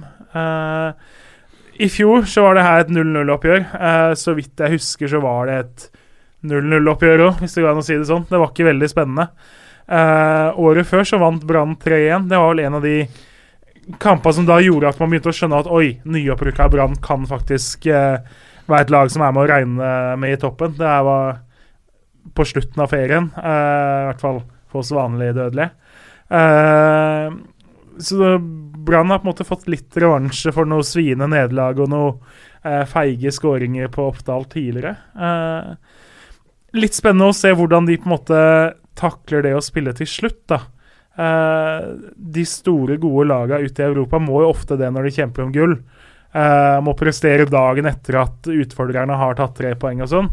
Jeg tror jo som sagt, eh, jeg tror Rosenborg slår Vålerenga. Eh, og da føler jo Brann på at de trenger tre poeng i Skien for å holde unna. Uh, og Odd med Fredrik Sem Berge ute for sesongen, det syns jeg de merker veldig tydelig. Jeg syns eh, eh, Vegard Bergan har gjort en del litt klumste, unødvendige ting der, så ganske sikker på at midtstopper står på lista til eh, Dag Eilef eh, Fagermo eh, når de skal ut på det såkalte markedet. Eh, så gjenstår det å se Børven slitt litt med skade, om han er tilbake. Eh, spissplassen er ikke helt løst hos Odd ennå.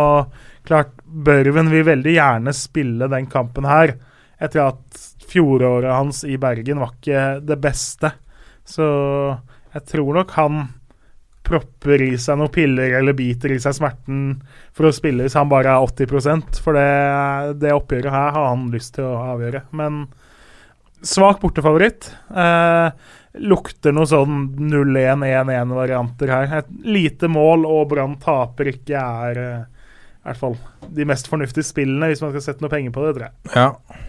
Spennende oppgjør i Eliteserien. Uh, verdt å følge med på, selv om det ruller et verdensmesterskap. Da kan man jo ha Eliteserien på hovedskjermen, og så kan man se VM på Riks-TV-appen på telefon. Ja, jeg, man Altså Og en tredjevisjonskamp ved siden av der igjen, selvfølgelig. Ja, det er klart. Det, altså, der må vi jo skyte inn at dekninga er jo fantastisk. Det er jo enklere i år å se laget du holder med i tredjedivisjon enn Premier League-laget noen holder med, nesten. Fordi det meste sendes. Så det er helt nydelig. Enda en grunn til å drite i utenlandsfotball og se den lokale norske fotballen vi er veldig glad i. Uh, La meg uh, avslutte med uh, en slags oppsummering av moralen i, i, denne ukens episode. må vel være at er du en liten klubb som har mulighet til å oppnå noe stort, tvihold på dine store stjerner, og ikke la deg lokke av småpenger fra klubber i nærområdet eller litt lenger sør. Vi er toppfotball på Facebook, Twitter, ikke på Twitter. Vi kommer, vi kommer, tilbake på Twitter en eller annen gang. Jeg følger med for å se når vi blir sluppet inn igjen. Men vi er på Instagram, og send oss gjerne en mail på toppfotballat451.no. Så må vi avslutte som vi pleier å gjøre, på 1, 2, 3. Vi er i gjeng! Ha det!